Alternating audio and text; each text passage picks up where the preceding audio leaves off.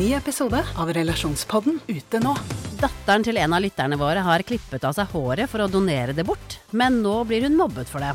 Hva kan mamma gjøre? Og hva gjør du når 14-åringen ikke vil ha den kjipe stebestefaren i konfirmasjonen sin? Ta hensyn til konfirmanten eller til mormor. Hør Relasjonspodden gratis der du hører podkast. Hei dere, velkommen til Biohacking Girls podcast. Vi leder showet, og jeg er Alette. Og jeg er Monica. Vi er gode venner og kollegaer, og vi legger sammen våre erfaringer og kunnskap for å inspirere deg til å bli din egen biohacker og optimalisere livet ditt. Vi følger med på ny forskning og trender, og stiller de spørsmålene vi mener er nødvendige. Ja, vi deler informasjon om biohacking, life coaching og fitness, og vi håper at du vil føle deg inspirert og klar til å ta et tak for å komme i den beste helsemessige form. Velkommen til Biohacking Girls podcast.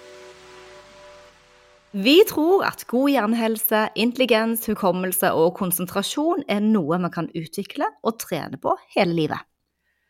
Vi mener at hjernetreningsøvelser det kan holde oss fokuserte og til og med gjøre oss enda skarpere, selv om biologiske alderen vår øker og øker. Ren mat, tilskudd som DPA, EPA og kanskje MCT-olje, og ikke minst beskyttelse mot oksidativt stress er viktige faktorer. Og dagens hjerneforskning viser at vi kan bygge nye hjerneceller. Dagens gjest er Marte Roa Syvertsen. Hun er lege, og hun har faktisk doktorgrad i nevrologi. Hun har skrevet bøkene 'Menneskehjernen', 'Farlig og fantastisk', og så har hun skrevet boken 'Ungdomshjernen vill og visjonær'. I dag skal vi eh, høre med forskeren hva vi kan gjøre for å reversere hjernealdring, hva som kan skade hjernen, og ulike rutiner og øvelser i livet som spiller inn på vår hjernehelse. Velkommen til ukens episode med Biohacking Girls podcast. Hei, Marte. Velkommen til oss i Biohacking Girls podcast. Så hyggelig å treffe deg, og tusen takk for at du tar deg tiden. Ja, takk skal dere ha. Du, Fortell oss først og fremst hvorfor du kicka helt inn på hjernehelse. Ja, det skjønner jeg ikke at det, Jeg skjønner ikke at ikke alle er eh, ekstremt opptatt av det, for det er jo det definitivt viktigste organet vi har, og det er jo det som er deg og meg, hjernen. Mm. Mm. Og, og, Apropos det, dette med organet som du sier med cellene og nevronene. Kan, kan ikke du forklare hvordan hjernen virker med tanke på handlingene våre og følelsene våre? Ja, det som er litt gøy er at nå forstår vi jo ganske mye av hvordan hjernen arbeider og hva den består av. For det har jo skjedd store framskritt på forskningen, og, og det foregår jo fremdeles. Men det viktigste bestanddelene i hjernen, det er vel nevronene, da, nervecellene. Og de kommuniserer med hverandre ved hjelp av elektriske signaler, rett og slett. Så det er eh, elektrisk aktivitet da, i hjernen hele tiden. Og så har vi en del støtteceller som hjelper nevronene til å holde likevekt og jobbe effektivt. Som bl.a. isolerer dem, sånn at de kan sende signaler kjappere. Og så har vi blod som tilfører næring og oksygen. Og ja, så det er liksom de minste bestanddelene. Ja, og hvor mye vet man egentlig om hjernen? Du som er hjerneforsker, har vi funnet ut alt, eller er det noe mer vi trenger nå å, å jobbe med og forske mer på enn andre ting? Og det er jo også en av bitene som gjør det så innmari gøy og spennende å jobbe med hjernen. Det er at det fremdeles er mye igjen å oppdage. Og kanskje skal vi nesten håpe på at vi ikke klarer å oppdage absolutt alt, for det er litt skummelt å tenke på, faktisk. Men vi har kommet et godt stykke på vei. Eh, og der jeg tenker kanskje det er mest spennende nå framover, kanskje det er innen psykisk helse. da, Altså forstå liksom virkelig hva som skjer inni hjernens nettverk eh, da. Dette at hjernen er plastisk, eh, hvordan kan du forklare det, at den er endringsmulig da? Nå er du inne på alle, alt det beste og mest gøye med hjernen som organ. Da, fordi det er jo det at hjernen endrer struktur. Altså sin, sin, helt konkrete struktur hele tiden, hver eneste dag. Det er jo den plastisiteten. Og en annen måte å si det på er jo rett og slett at vi, vi lærer og husker det er jo fysiske spor i hjernen. Når jeg kommer til å huske, forhåpentligvis, eller jeg tror det i hvert fall, at jeg har snakka med dere, så betyr jo det at det har dannet seg noen spor, nye spor, i min hjerne etter den samtalen vi har hatt. Og helt konkret så er det rett og slett nerveceller som har tatt kontakt med hverandre da, og dannet nye forbindelser. Men når er hjernen ferdig utviklet? Det tar ganske lang tid, og det er sånn relativt ny kunnskap òg i den store sammenhengen. Først liksom de siste 15-20 åra vi har vært klar over at vi ikke er voksne inni hodene våre før vi er godt over 20 år gamle. Så det er lang tid. Men betyr det at da, etter det utvikler ikke hjernen seg, eller kan vi fremdeles utvikle oss? Man kan jo lære nye ting etter den tiden òg? Ja, heldigvis, kan du si. Så den plastisiteten, den har vi jo med oss hele livet. Og det er det som er så fint, at vi må huske på det. At vi forandrer hjernen vår med alt vi gjør eh, og holder på med vil jo endre hjernens struktur, og, det påvirker vi jo gjennom hva vi velger å drive med òg. Men, men, det der med at hjernen skal bli like effektiv som en voksen hjerne, det, det stopper når man er ja, mellom 20 og 25. Da. Og da handler jo det i stor grad om, om ledningshastighet, og ja, at nettverkene skal jobbe, ikke være tykkere enn de må, sånn at det blir liksom effektiv signaloverføring, da. Jeg lurte på um, om du kan forklare de ulike delene i hjernen. Det er jo fire deler uh, fra bakhodelappen til uh, tinningslappen. Kan du forklare hva de heter og hvordan de virker? Ja, og da snakker vi om hjernebarken, da, som er delt inn i ulike soner. Dette er det ytterligere ytterste laget på hjernen, og det nyeste og mest avanserte, hvis vi tenker sånn evolusjonsmessig, eh, den er krøllete hjernebarken. Og da har eh, de forskjellige områdene litt ulike oppgaver. Så vi kan jo begynne bakerst med bakhodelappen, da, som er en sånn liten skalk helt bakpå. Og der eh, har vi synsområdene våre. Så når det kommer signaler fra øynene, så sendes de gjennom hele hjernevevet og bak dit. Og så tolkes det sånn at vi forstår hva det er vi ser på. Og foran der igjen så har vi parietallappen, eh, eller isselappen. Og den er ganske stor.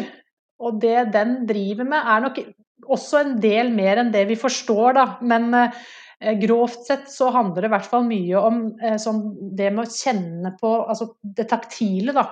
Ikke følelser som i emosjoner, men i det vi kan føle på huden vår temperatur, smerte, berøring, den type ting. Og så eh, foran den igjen så ligger pannelappen, og den er også veldig stor. Omtrent en tredjedel av hele hjernens volum. Og der, helt bakerst i pannelappen, så har vi motorikken vår. Så da sendes signaler ned til musklene, og, og, sånn at vi kan bevege oss.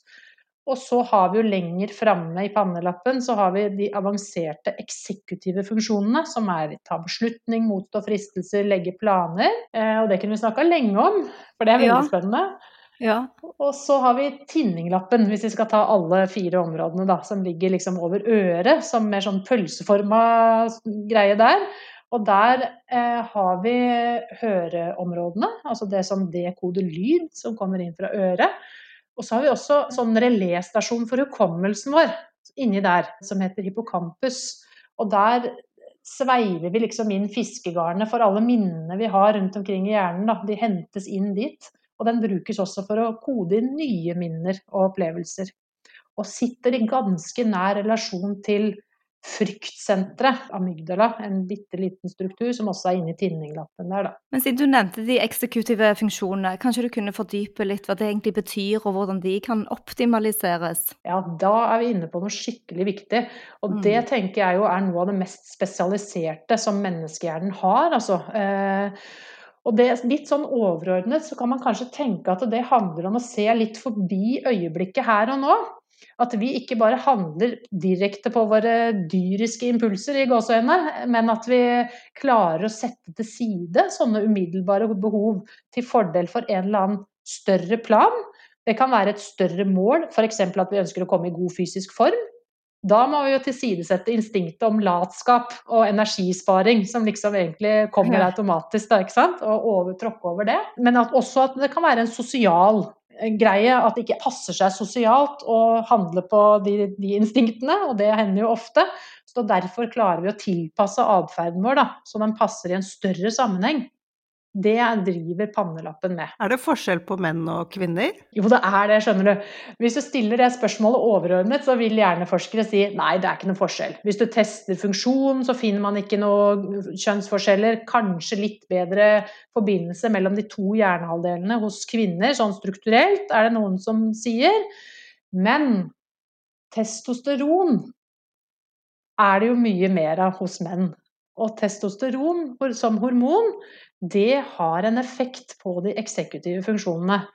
Og hold dere fast nå, men det er sånn at testosteron svekker de eksekutive funksjonene lite grann. Du ser det jo på statistikkene at det er bare sånn at det er mer, mer vold, mer risikoatferd eh, blant menn enn blant kvinner. Det er jo et faktum i, på statistikken. Selv om det selvfølgelig er å skjære alle over én kam, og vi snakker om gjennomsnitt og, og sånn, men, eh, men, eh, men, sånn er det. Interessant. Eh, så, men hvis man tenker på tilskudd av testosteron, eller hvis man trener mye eller gjør andre typer nødvendige øvelser som øker testosteron, kan man se det, det også i forbindelse med eksekutive funksjoner? Du, det er et veldig godt spørsmål. Og, det, altså, og hvis vi beveger oss over i enda litt mer i det ekstreme, da, over mot anabole steroider så vet jeg at det er en forskergruppe i Oslo på et senter som heter Norment. Det var vel der, jeg er ganske sikker på at det var der det var, eh, som, som forsker på det. Effektene av det på eksekutive funksjoner. Og det tror jeg nesten de skulle fått snakka for seg selv, hva de har funnet ut. Men det ser ut som om det ikke er en kjempegod greie for de eksekutive funksjonene. Såpass mye kan vi si. Ja, helt klart. og man kan sikkert se det i barndommen òg. Vi er guttemødre begge to og har bare gutter. Så, så når det kommer jenter, så planlegger de, og de opptrer jo litt annerledes enn gutter gjør. Så det er helt klart forskjeller bare fra det perspektivet som mor. Ja, og så kan du si at det er jo forskjell i modningsprosessen òg, og der er det kjønnsforskjeller. Eh, sånn at hos barn, eller kanskje særlig hos ungdommene, da, de yngste ungdommene, så er det ganske stor kjønnsforskjell på det.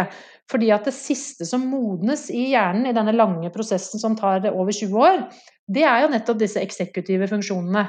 Eh, og det, der settes det i gang en sånn spurt i forbindelse med puberteten og da vet vi at puberteten den er jo i gjennomsnitt én til to år eh, tidligere ute hos jentene. Dermed vil de også få liksom en sånn spurt på sin modning av eksekutive funksjoner som ligger omtrent et år foran gutta. Da. Ja, jeg, jobbet med Jesper Juel i sin tid, eh, og han var veldig opptatt av hjerneforskning. og Han pleide alltid å si at uh, disse årene her så kan man sette et skilt i pannen og si 'stengt pga. ombygning'. og det snakker du òg om, Marte, i din bok 'Ungdomshjernen'. Ja, det stemmer. Og så har jeg lyst til å liksom, eh, nyansere det litt, og så si kanskje at det er eh, ikke helt stengt, og at det er en oppbygging istedenfor en ombygging. For det blir jo, blir jo, gradvis bedre og bedre og bedre etter hvert som rett og slett bare tiden går. Da.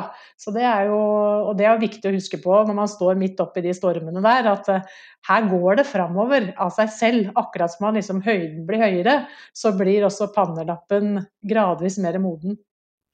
Og da virker jo dette som det er en prosess som går av seg selv. Vi tenker ikke så mye på den hjernen vår. Men vi lever jo i en verden som eh, krever mye oppmerksomhet døgnet rundt, eh, og mye mer oppmerksomhet enn det har gjort før, i form av skjermer og reklamekampanjer overalt som er møtt med inntrykk. Hvordan har den moderne hjernen det nå? Jeg personlig, og jeg, det begynner vel å komme litt forskning som understøtter det også, eh, eh, bekymrer meg for den moderne hjernen. Og jeg tenker at den har det litt vanskeligere enn før, av flere årsaker. Vi kan jo begynne med det at hjernen vår, altså det er jo programmert i DNA-et vårt, hvordan den skal bli sånn the basics, da. Eh, og det er jo hva er det, 100 000 år gammelt, eller jeg vet ikke, jeg husker ikke akkurat når vi ble Homo sapiens, men det er i hvert fall veldig lenge siden. Og da var verden i hvert fall helt annerledes enn det, det den er nå. Sånn at det, eh, grunnlaget for hvordan hjernen fungerer, det er tilpassa en verden som bare ja, ikke er den vi lever i. Men det som kanskje er mest bekymringsverdig akkurat nå, da, det er jo det er kanskje de eksekutive funksjonene. For en, en, viktig del av det er jo nettopp oppmerksomheten. Altså hvor har du fokuset ditt? Og i hvor stor grad klarer du å motstå fristelsen til å skifte fokus hvis du bør ha fokuset ditt på ett sted. F.eks. følge med på undervisning eller eh, holde tråden i en tekst, eh, eller til og med en samtale også, faktisk, uten å liksom hoppe fra det ene til det andre. Og nå, sånn som liksom hverdagen er bygd opp med smarttelefonene, så får vi jo mindre og mindre trening i nettopp det der, med å holde den tråden over litt tid. Og, og hjernen er jo ekstremt tilpasningsdyktig. Det er jo tilbake til den plastisiteten som vi snakka om i stad. Eh, sånn at den, den, lærer det den blir eksponert for. Og hvis det er liksom kjappe, forte stimuli hele tiden, noe nytt, noe nytt, noe nytt, farger, lyd, emosjoner som trigges, så eh, bekymrer jeg meg over at det, liksom, det skal mer og mer til da, før vi klarer å liksom eh, holde det fokuset. Men hva er helt konkrete bevis på at hjernen da får et stress eller eh, får uvante eller unaturlige omgivelser å forholde seg til? Kan man lese det på, på analyser man gjør på laben, da? Det her går det an å undersøke på flere forskjellige måter. Eh, og det er gjort eh, mange eksperimenter, og sikkert kjempemange som ikke jeg kjenner til òg, på ulike aspekter av dette her. Men det man jeg har sett studier på bl.a., det er jo evnen til å lære nye ting. Da, altså lagre ny informasjon f.eks. Hvis du hele tiden blir forstyrret i den prosessen av et eller annet som avleder deg, så eh, bruker du vel omtrent dobbelt så lang tid da, på, på, den innlæringen som du ville gjort hvis du bare hadde jobb, kunnet jobbe uforstyrret. Så det er ett eksempel. Og så finnes det sikkert veldig mange andre. Ja, fordi vi har vel på en måte løpt fra vår egen uh, biologi i den moderne verden vi lever i, og vi er jo egentlig flokkdyr, så dette nå, når vi sitter nå og snakker gjennom en skjerm, det er jo ikke helt riktig. Hvordan påvirker dette hjernen vår? Altså, ja, hva, er det bare det med, med konsentrasjon? Jeg tror det påvirker i ganske stor grad, altså. Eh, og akkurat det med at vi har løpt fra vår egen biologi, det syns jeg er, det, det er veldig bra sagt. fordi det er jo akkurat det vi har gjort. Vi har utvikla verktøy og et samfunn som ikke er tilpassa eh, den hjernen som har utvikla det, for å lage en sånn sirkel på det. Eh, og det med kommunikasjon er jo et kjempegodt eksempel.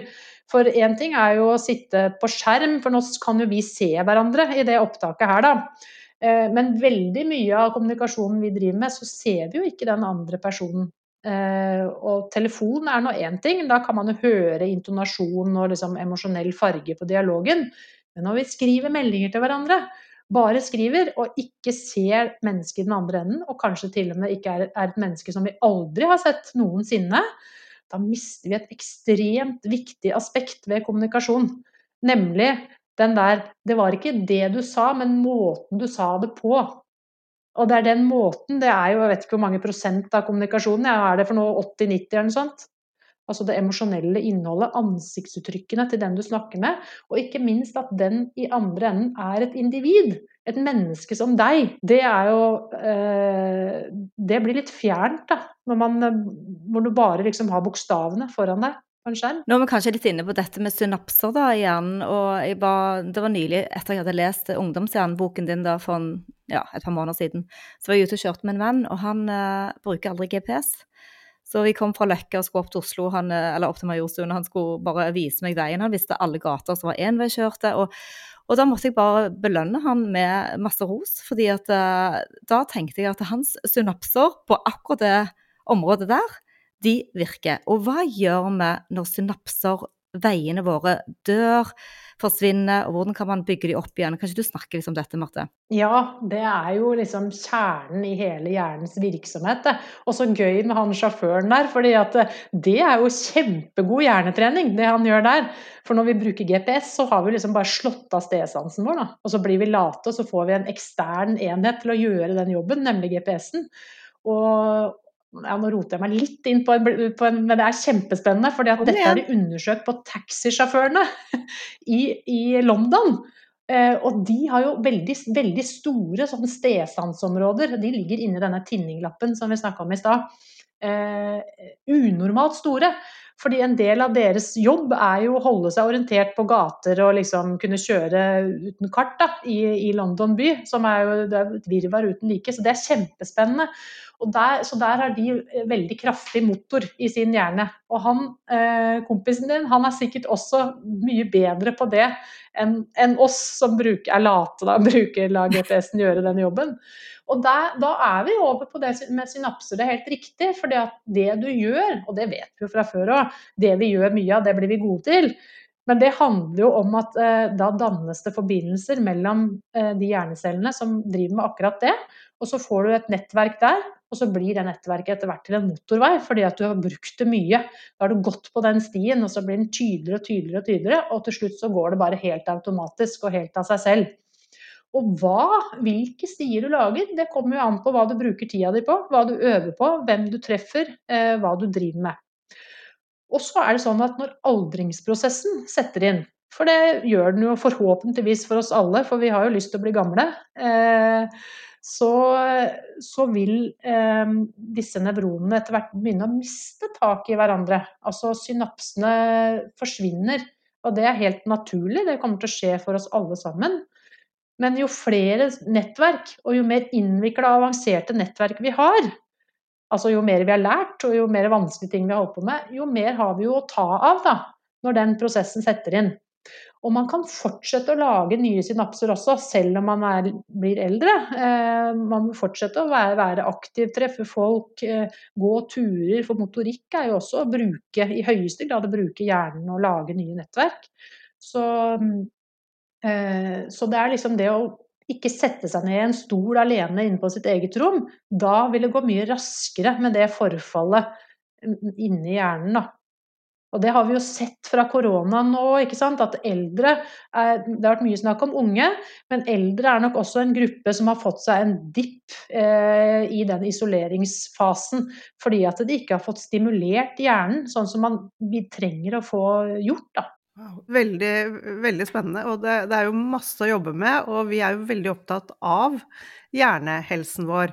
Men så er det også dette her med vi er jo glad i rutiner, vi er glad i lese det samme hver dag. Er det da kanskje ikke så bra for hjernen? Bør man liksom røske opp i rutinene sine og Lære nye ting? Lære nye ting egentlig mer enn det å holde på med det samme? Ja, svaret på det er jo både ja og nei, da, sånn som det alltid er i forskningen, og kanskje særlig i nevroforskningen. Det er sånn ja, men Ja når vi lærer nye ting og eksponerer oss for noe uvant, eh, så er det litt slitsomt. Ikke sant? Vi må gjøre en innsats. Men da bygger du på hjernen din. Og du lager nye synapser, og du forsterker svake synapser, sånn at du får nye nettverk og mer komplisert kommunikasjon da, inni hodet ditt. Eh, men samtidig eh, Og da må du involvere pannelappen ganske mye, fordi det er noe nytt og uvant. Men så sier du at ja, vi liker rutiner og forutsigbarhet og sånn, og det elsker jo hjernen. fordi vi prøver hele tiden å se, lete etter mønstre. Det prøver hjernen febrilsk. Sånn Å ja, dette er en bil, ja. Ja, jeg veit hva en bil er, da veit jeg akkurat hva jeg kan forvente meg av det jeg ser foran her nå. Den eh, kan kjøre og bevege seg, ikke sant. Det er kategorien bil. Eh, og når vi liksom har alt i rammer, eh, timeplan, lite uforutsett, så kan vi slappe av litt. Da får pannelappens eksekutive funksjoner litt fri. Eh, og så gir du rom for å eh, slippe løs litt kreativitet, faktisk. Fordi at når, du, når pannelappen ikke må jobbe med nye ting, så, så, blir den god på å sette sammen biter av det du har fra før av inni hjernen din. Og, det er jo kreativitet. Det å lage noe nytt ut av noe gammelt byggesteiner som du har lagra inni hodet ditt. Så det er, det er, to sider av den saken. Eh, nye, utfordrende ting. Da får du flere nettverk, flere synapser, eh, mer vann i glasset eh, før det begynner å tømmes når du blir eldre. Mens den andre siden, hvis du går på rutine og inn i det, i det gamle, vante, kjente, forutsigbare, så kan du gi litt mer rom for din kreativitet. At du liksom får slappe av de eksekutive funksjonene, sånn at eh, man kan få større rom for fantasi. F.eks. hvis du trenger å komme på en idé eller jobbe videre med et annet kreativt prosjekt, så er det jo bevist da, i forskning der at da er det lurt å gå en tur. For da går du på autopilot, kroppen gjør noe som kan automatisk. Gå tur i, eh, i litt rolige omgivelser, skog f.eks. Så er det større sjanse for at de ideene vil eh, blomstre litt bedre. Og så er det jo andre ting som ikke alltid helt kan styre, som påvirker hjernen, type oksidativt stress, eller kanskje det oppstår et traume i livet. Eh, men òg mm. dette når det kommer selvkritiske tanker. Hvor i hjernen eh, er det det skjer aktiviteter da, og hva kan man eventuelt gjøre for å få det bedre? Selvkritiske tanker har faktisk også med de eksekutive funksjonene å gjøre. For der har vi sånn, en egen sånn dommerpanel som evaluerer alt vi driver med. Så går det en loop tilbake som bare Ja, det valget du tok nå, den planen du la, gikk det egentlig sånn som du hadde tenkt? Og hvis det ikke gjorde det, og det, vi mislykkes jo stadig vekk, så kommer det en liten sånn ugg, uggen følelse. Da får du litt straff av hjernen din, og så husker du kanskje det spesielt godt. Eh, sånn at du kanskje velger annerledes neste gang, da. Da har du lært av det, på en måte. Eh, og det, det er en del av disse eksekutive funksjonene. Um, så da er det læringsprosessen at du, du, forbedres ved din egen erfaring? Ja, det stemmer. Uh, at du evaluerer deg selv. Da. Og der er det jo noen av oss som er, har sterkere aktivitet enn andre. Det er jo individuelle forskjeller på det. Eh, sannsynligvis aldersforskjeller også, for dette er jo en del av de nettverkene som modnes sist igjen, da. Men òg dette med traumer, for de lagres jo òg, da, og ligger der i sine små baner. Ja, hva tenker du om det? Ja, og da er vi inne på en, enda et litt annet system. Jeg rakk så vidt å nevne amygdala i stad. Ja. Eh, en liten struktur inni hjernen som kan gjøre veldig mye ugagn, men som samtidig er innmari viktig, for den er alarmsentral for frykt og aggresjon og fare. Og det har vi jo trengt i overlevelsens løp. Hvis vi ser liksom sånn evolusjonsmessig på den, så er det kjempeviktig å komme seg unna fare. Men den ligger også veldig tett opp til det hukommelsesområdet eh, som jeg også nevnte i stad. Og det betyr jo det at hvis du har vært utsatt for en sterk emosjon, ordentlig frykt og angst, så vil jo det være mye større sjanse for at det lagrer seg som et varig minne i nettverkene. At man har med seg det videre. Også viktig for overlevelse, sånn at du, du kan komme deg unna neste gang, eller husker det der, da. Og dette igjen er jo knytta opp mot stressresponsen vår, som er en veldig fysisk greie. Altså hjertet banker, og man eh, Det skjer veldig mye med kroppen når stressresponsen slås på. Uh, og dette har jo sammenheng med det å ha opplevd traumer f.eks. Og, og vanskelige ting. At den kanskje er mer aktiv uh, enn hos andre. Og det har jeg tenkt ganske mye på i det siste. At det er jo rett og slett Altså det å være i stressrespons og ha kroppen påskrudd i stress, det er jo den fight or flight-modus. Uh, I motsetning til rest and digest, som er der vi kanskje helst bør være så blir jo det nesten det samme som å gå på prednisolonkur. At, eh, og det er jo noe vi leger prøver å unngå. Vi, hender man må ha det i behandling, men for guds skyld så kort som mulig og med nedtrapping osv. For det har så mange uheldige effekter for kroppen. Men det er jo nettopp de samme typene stoffer da, som dusjes ut i systemet ditt når du går i stressaktivert. Sånn at det er jo et folkehelseproblem, da, egentlig det med, det med å være i stressbelastning, altså. Og én ting er jo liksom at du er stressa for at du skal rekke bussen eller et eller annet sånn her og nå, men så har det disse store, tunge stressfaktorene som handler om ting som er mye mer komplisert enn å rekke bussen, da. Kanskje familiesammensetning, det mest typiske. Hvem er det du har rundt deg i hverdagen din, og hvordan påvirker det deg, da? Nå driver jo vi med biohacking, og vi måler veldig mange ting. Sånn at uh, vi kan jo ja. se stressresponsen selv fra skjermbruk. Sånn at nå mm. ser du at vi har på sånne uh, blokkeringsbriller som beskytter det blå lyset. For vi tror ja. jo at uh, inngangen via øynene og opp til hjernen, altså det Altså, vi ser på målingene på HRV og Hva tenker du når vi bruker sånne briller for å beskytte oss, når vi bruker skjerm såpass mye vi gjør? Ja, det burde vel i hvert fall ha noe å si på kveldstid. Jeg hørte et eh, intervju med noen søvnforskere fra, fra Storbritannia. Og de ler seg i hjel, vet du. At vi tar jo med oss mobilen på senga, da. Det gjør veldig mange av oss gjør det. Vi har bytta ut boka. Så, til, men jeg gjør det. En kjempestor eh, lesehest hele livet. Jeg vet ikke hvor mange bøker jeg har lest, men det er mange. Og jeg har alltid lest på senga. Og så tar jeg meg sjøl i det at jeg tar med mobilen på sengekanten, og så skal jeg liksom bare sjekke last ting før jeg, før jeg skal legge meg. Se over. Og da da setter jeg jo på lyskasteren med det blå lyset, da. Midt i fleisen. Og det er jo akkurat som det samme som å slå på bryteren på nervesystemet, da. Det aktiverer veldig. Istedenfor at da skulle du egentlig gli ned i en sånn døs for å gå inn i søvn, da. Og det er en langsom prosess, det å gå inn i søvn. Gradvis. Og når man slår på blått mobillys, så da, da reverserer du hele stasen. Man må begynne på nytt. Ja, da er vi tilbake til det med at vi har løpt fra biologien. Men vi, vi har så mye vi skal snakke med deg om. Hvis vi tar noen bare korte svar på, eh, kan du forklare myelin? Hva Ja. er myelin? Myelin er et fettstoff eh, som skilles ut av en type støtteceller i hjernen. Og det er helt livsviktig. For det utløperne fra hjernecellene de kan bli over en meter lange. Hvis ikke de har isolering med myelin, så tar det altfor lang tid for impulsen å nå fram dit de skal. Og nevrotransmitterne, kan du forklare det? Ja, det er stoffer som sørger for signaloverføring fra et nevron til et annet.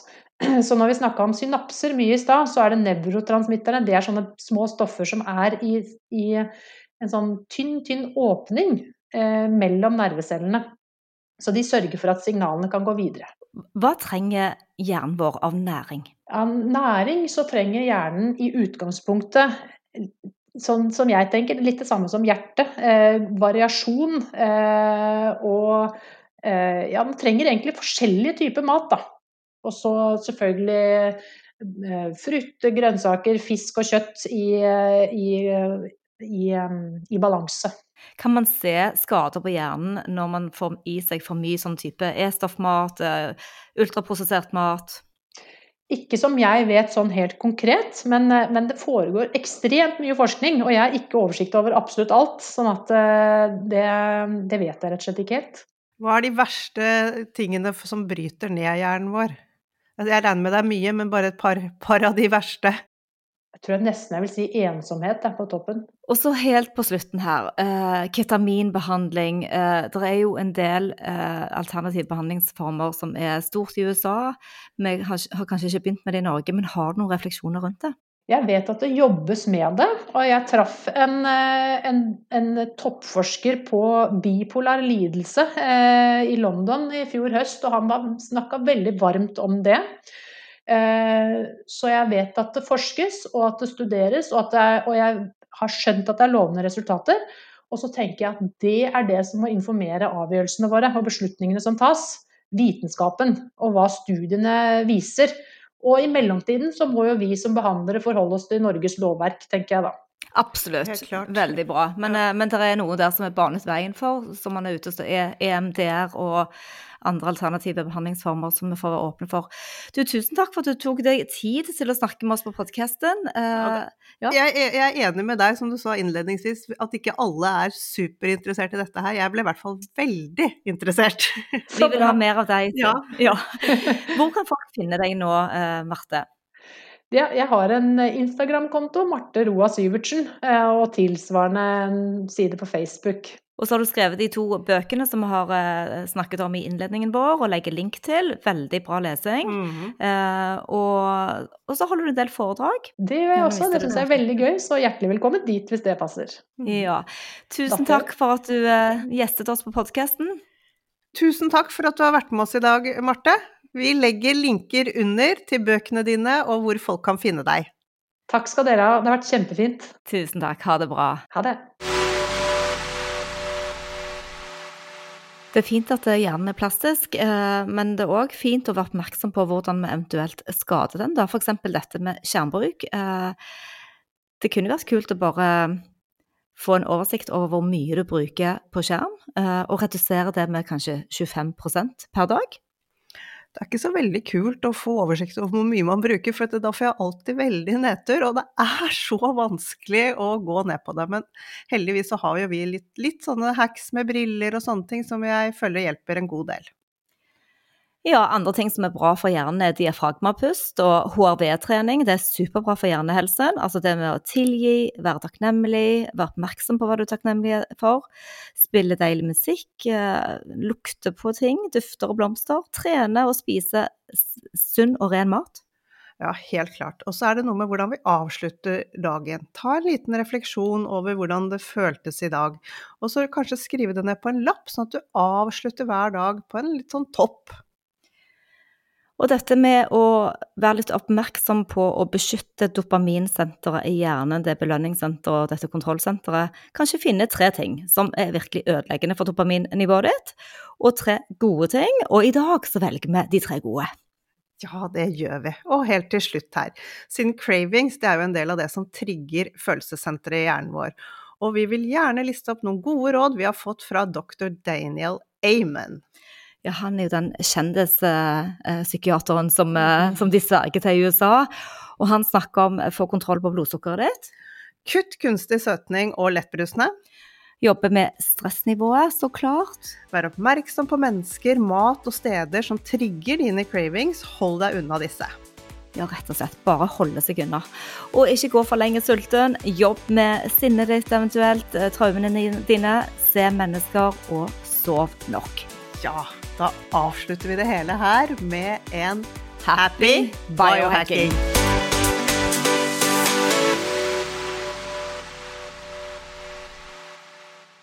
Vi minner om at dere må snakke med egen lege eller kostholdsveileder om dietter og andre spørsmål relatert til medisiner og supplementer. Informasjon vi deler kan ikke bli brukt til å diagnostisere, behandle, forebygge eller kurere noen sykdommer eller tilstander.